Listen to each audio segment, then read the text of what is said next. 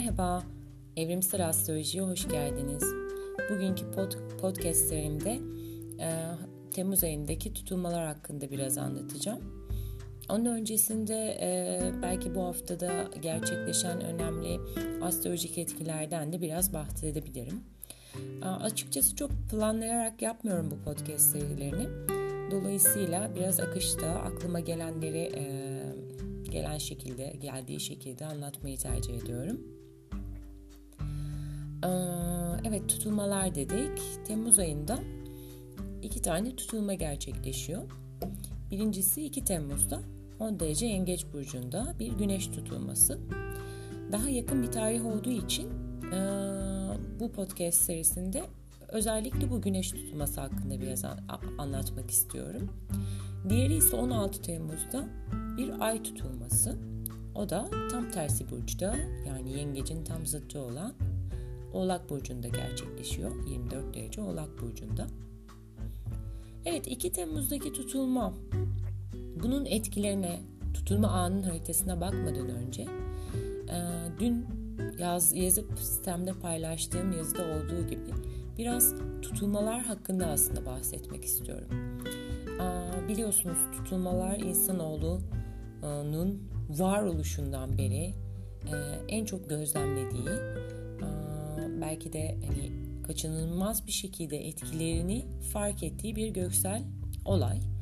E, malum tutulmalar esnasında yeryüzü e, kısa süreliğinde de olsa bir karanlığa geçiş yaşıyor, bir karanlık çöküyor. Tabii ki de bunun psikolojik olarak zaten korkutucu bir etkisi olduğunu hepimiz biliyoruz. Fakat bu sadece hani psikolojik olarak işte gökyüzü birden karanlığa bürünüyor ve e, bu sebepten dolayı da işte tutulmalardan çok korkula gelmiş dersek biraz hafif olmuş oluruz aslında tutulmaların enerjisini. Yani çok fiziksel düzlemden bakmış oluruz. Daha psikolojik ve hatta ruhsal seviyeden baktığımızda gözlemlenen şöyle bir şey var. Tutulmaların biraz öncesinde veya biraz sonrasında yeryüzünde önemli değişimlerinde meydana geldiği dikkat çekmiş.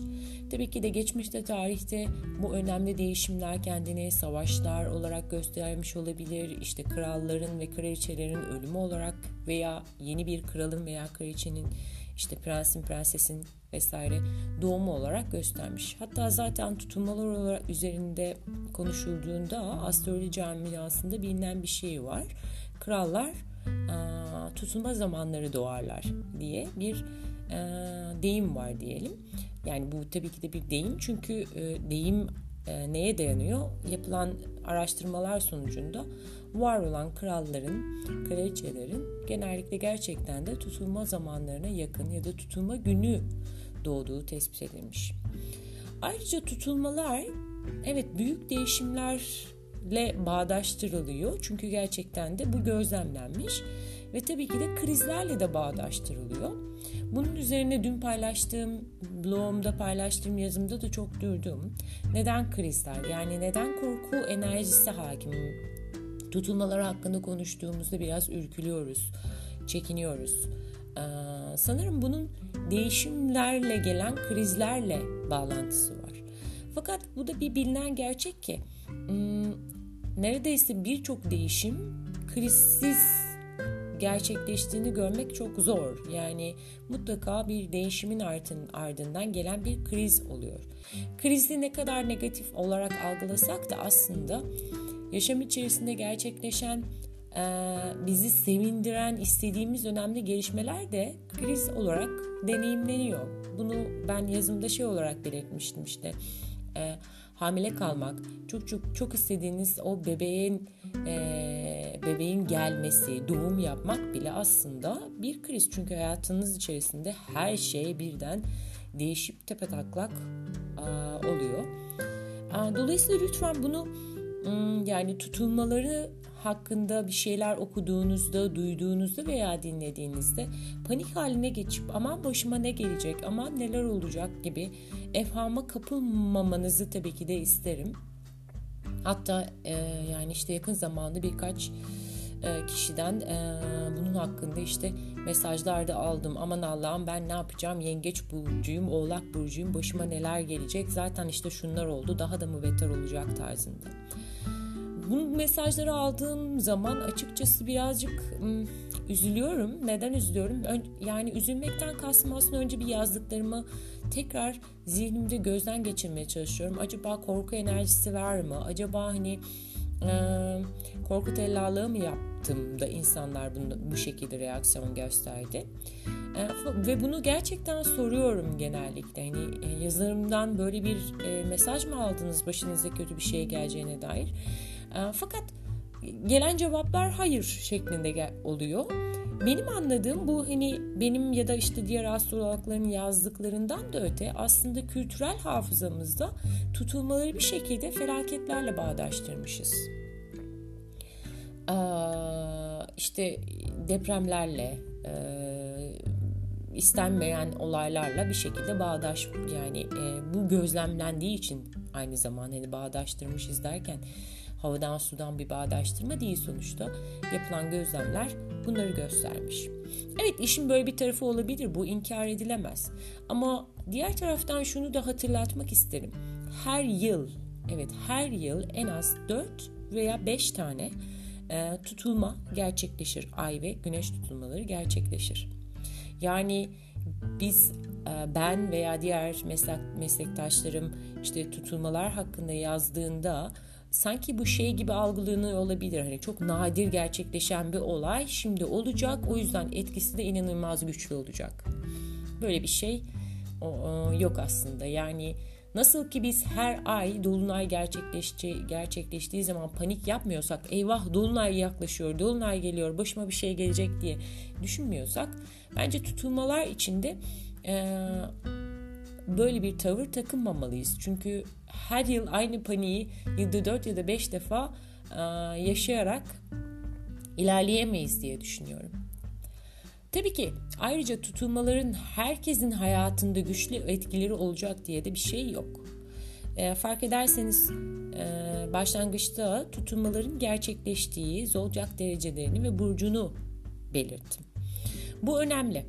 Neden? Çünkü haritanızda, doğum haritanızda eğer bu derecelerle ilgili bir gezegen varsa, bir köşe noktası varsa ancak o zaman çok güçlü bir şekilde etkisini hissedersiniz. Ee, tabii ki de işte oğlak ve yengeç deyince ister istemez oğlak burcu olanlar, yengeç burcu olanlar anında bir paniğe kapılabiliyor. Anında bir dikkat çekiyor. Allah ben yengecim, Allah ben oğlak burcuyum ne olacak? Hmm, burada bile açıkçası şunu söyleyebilirim.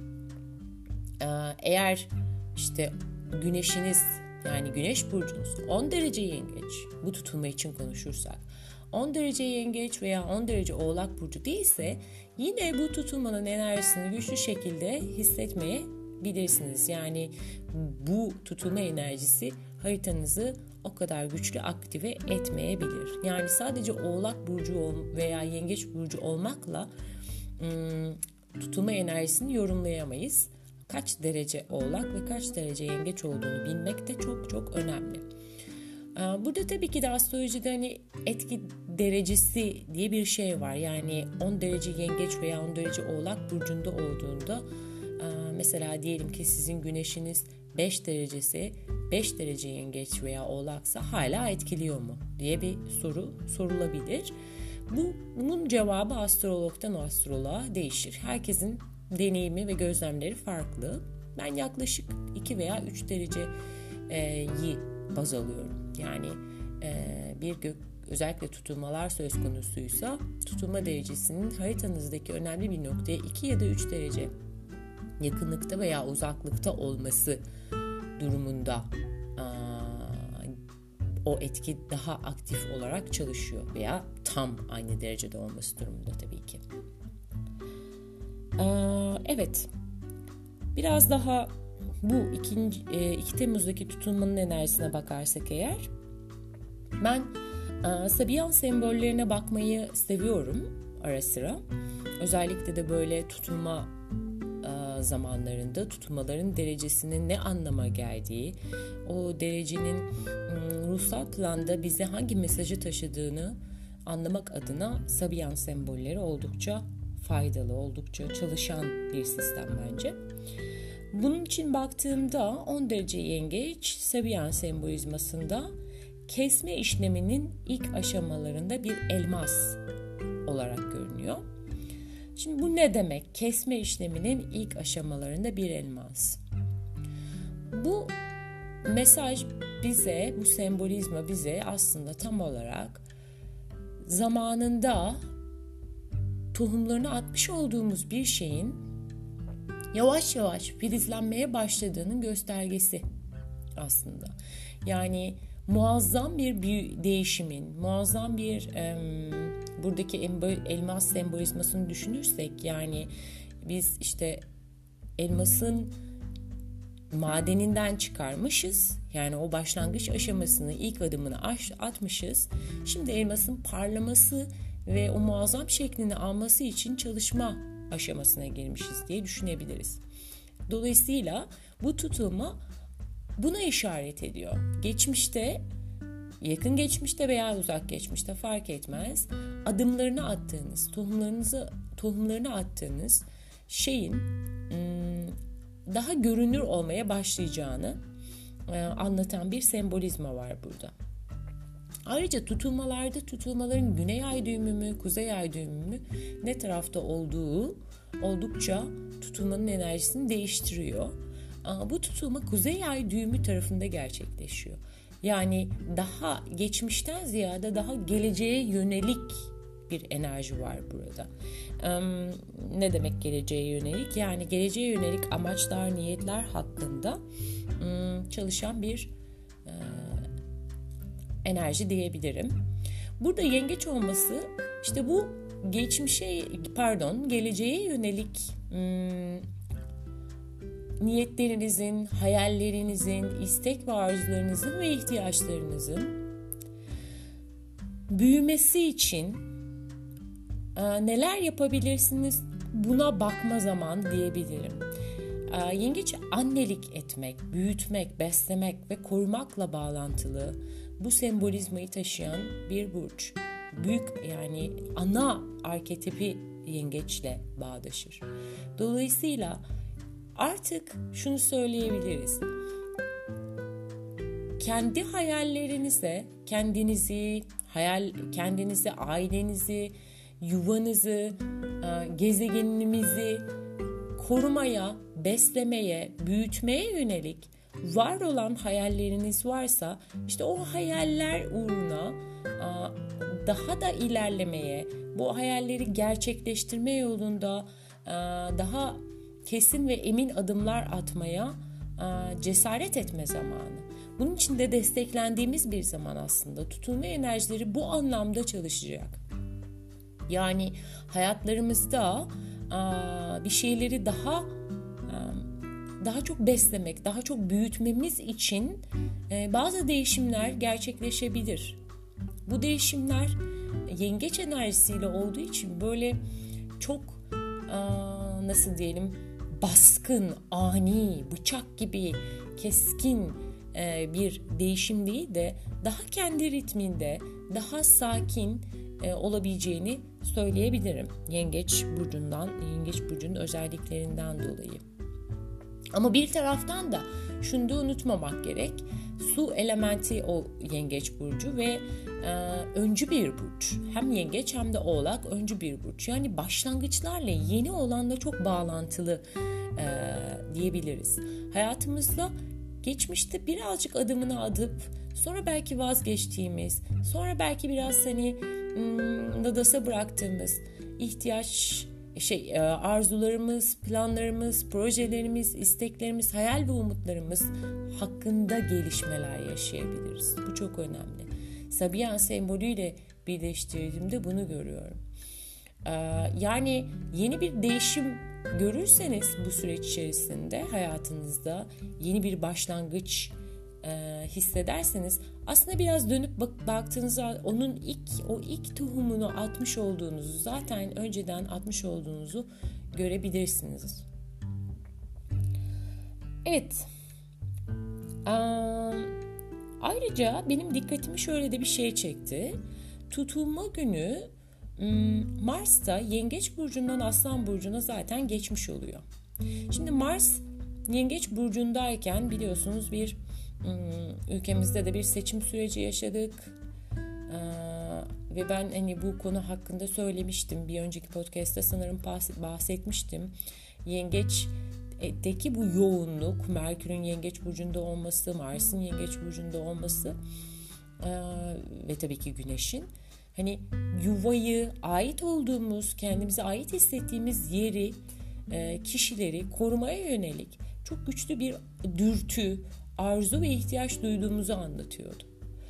Bu ihtiyaç artık yavaş yavaş yerini o ihtiyacını duyduğumuz, daha doğrusu koruduğumuz, büyütüp beslediğimiz şeyi gösterme zamanının geldiğini gösteriyor. Mars'ın Aslan burcuna geçişi. Bunu pratik olarak şöyle şöyle yorumlayabilirim. Mesela Mars bu geçtiğimiz süreç içerisinde işte ait olduğumuz yuvanın, vatanın, ülkenin, ailenin, mahallenin her neyse nasıl olmasını istiyordu, istiyorduysak onu artık gösterme zamanı. Yani işte ben ayrımcılık istemiyorum, huzur istiyorum, sakinlik istiyorum diyorsak eğer hmm, bunu artık dile getirmenin de ötesinde gösterme zamanının, icraata geçme zamanının geldiğini gösteriyor. Mars'ın tutulma zamanına yakın Aslan Burcu'na geçmiş olması. Yani artık ifşa etme zamanı. Göstererek realiteye geçirme zamanı diyebilirim. Ee, tabii ki de sevgi Aslan Burcu Venüs'ün yine tutulma derecesine yani çok yakın olmasa da aynı hizada bulunması şeyi de gösteriyor. Hmm, sevgi titreşiminin de çok hani e, görünür olmaya, sevgi titreşimini daha görünür kılmaya yönelik e, çabalarımızın olması da önemli bu anlamda. Hmm, yani bana şöyle geliyor ki e, sanki böyle bu şu anki gökyüzü enerjileri ve tutulma enerjisi sevdiğini koru diyor diyebilirim. Yani sevdiğin, kendine ait hissettiğin her ne var ise bu bir ilişki olabilir. İlişkinin içerisinde kendini güvende hissediyorsundur, ait hissediyorsundur, seviyorsundur. İlişkide olduğun kişiyi ve kendini. O zaman bunu korumak için, bunu büyütmek için neler yapabilirsin? Belki ülkene aynı hisleri besliyorsundur. Belki daha geniş bir açıdan düşünüp Gaia'ya yani gezegenimize karşı aynı şeyleri, hmm, aynı yoğunlukta sevgiyi hissediyorsundur ve gerçekten buraya ait hissediyorsundur. O zaman bu ait hissettiğin yeri korumak için, besleyip büyütmek için neler yapabilirsin? Zaten bahsettiğim, sürekli bahsettiğim son zamanlarda 2020'deki e, Satürn ve Plüto hizalanmasını düşünürsek ki bu tarihte büyük kırılmaların olduğu, büyük değişimlerin olduğu zamanlara işaret eder. Evet, bir değişime küresel çapta önemli bir değişime doğru ilerliyoruz. Gücün yeniden dağılıma geçtiğini göreceğimiz bir zaman dilimi içerisindeyiz. Fakat ee, artık bir şeyler de eskisi gibi olamayacak diye düşünüyorum. Yani bunu yine bahsettiğim yazımda da anlattım. Eskisi gibi olamayacak derken hani gücün yeniden dağılımı ama artık o gücün yeniden dağılması için gerekli kaynaklarla ilgili de çok büyük bir sıkıntı yaşıyoruz. Bu noktada bize bu büyük kırılma içerisindeyken, bu büyük dönüşüm ve değişim süreci içerisindeyken Yengeç Burcu yine yardımcı olabilir. Yani Yengeç Oğlak aksında biliyorsunuz çok yoğun gelişmeler yaşanıyor e, bu senenin başından beri. Yengeç burcu dediğim gibi e, yuvayı anlatırken Oğlak burcu daha zirveyi anlatan yani hedefi anlatan, başarıyı anlatan bir burç. Dolayısıyla aa, denge biraz bozulmuş durumda. Tutulmalar da bu dengeyi sağlamak için neler yapabiliriz? Buna işaret eden enerjiler. Bu noktada bu dengenin Oğlak burcuna ağırlığın fazla verildiği için bozulduğunu gösteriyor. Yani daha fazla başarı, daha fazla ım, ilerleme, daha fazla gelişim, özellikle de fiziksel düzlemde. Bunun ayarını çok ciddi bir şekilde kaçırdık dünya çapında. Küresel olarak, kolektif olarak. Dolayısıyla şimdi bunun biraz dengelenmesi, biraz değil bir hayli dengelenmesi gerekiyor. Bunun için de yengece yönelmemiz lazım.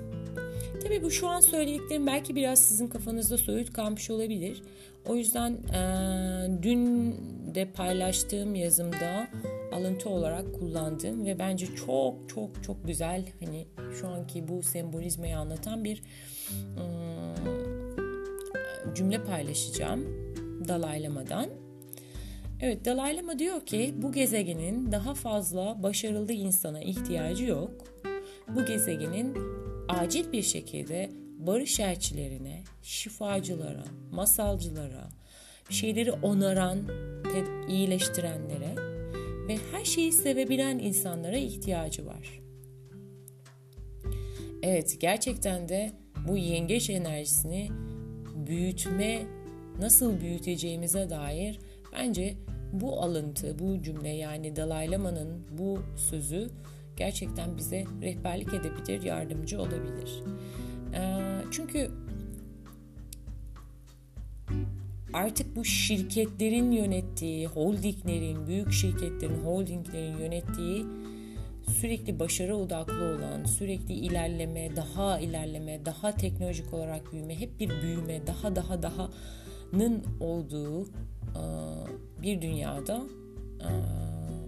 artık tüketebileceğimiz hiçbir şey kalmadı maalesef.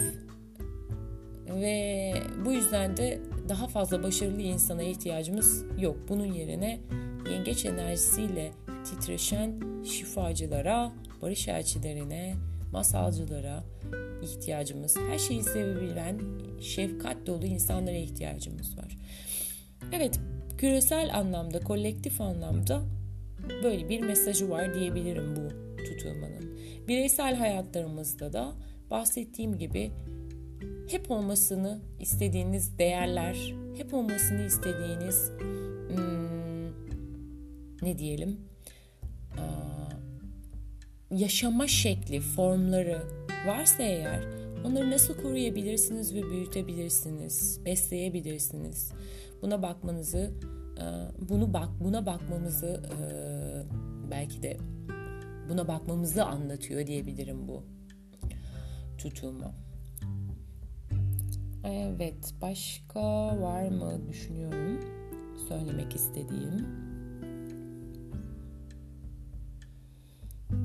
Evet, es bir sonraki tutulma yani ay tutulması 16 Temmuz'daki ay tutulmasına bakarsak eğer bu tutulma için ayrıca bir podcast serisi daha yaparım diye düşünüyorum ama şunu söyleyebilirim. Oldukça duygusal olarak oldukça güçlü bir tutulma.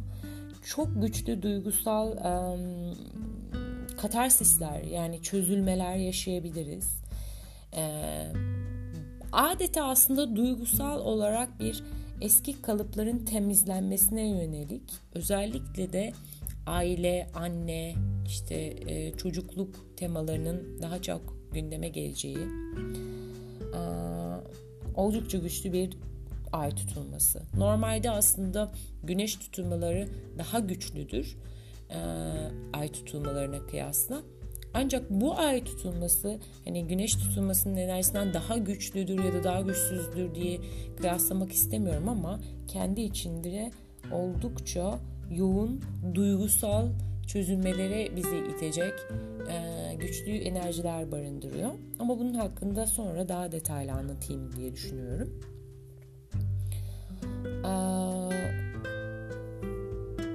Yani o ay tutulması daha geçmişe yönelik iken 16 Temmuz'daki 2 Temmuz'daki bu güneş tutulması daha geleceğe yönelik e, bir enerji barındırıyor. Başka başka. Evet bu kadar.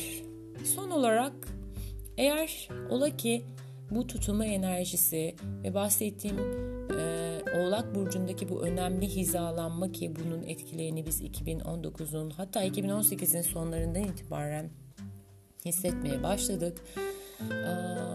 Bu önemli gezegen hizalanmasının hizalanmalarının ve 2019'da gerçekleşecek diğer tutulmalar ve bu tutulmayla 2 Temmuz ve sonraki diğer tutulmaların doğum haritanızı nasıl tetiklediğini öğrenmek istiyorsanız 2 Temmuz 2019 Salı günü saat 8.30'da e, bir seminer gerçekleştiriyorum online. Zoom üzerinden görüntülü görüşme şeklinde olacak. Eğer buna katılmak isterseniz bana eda.ocak.gmail.com adresinden ulaşabilirsiniz. Mail adresi mail gönderebilirsiniz. Daha fazla bilgi almak ve kayıt olmak için. Katılımcıların yani genel bilgiler ver, vereceğim gibi bu e, konular hakkında aynı zamanda katılımcıların doğum haritaları üzerinden de e, yorumlar yapacağım. Katılımcı sayısını 10 ile sınırladım ki rahat rahat geniş geniş herkesin haritasını e, üzerinden yorumlar yapabileyim. Evet dediğim gibi kayıt olmak için bana eda.ocak.gmail.com üzerinden bir mail gönderebilirsiniz. Ayrıca edaocak.com www.edaocak.com üzerinden e, yazmış olduğum yazıyı, bugün bahsettiğim o yazıyı da okuyabilirsiniz. Dinlediğiniz için teşekkürler. Görüşmek üzere, hoşçakalın.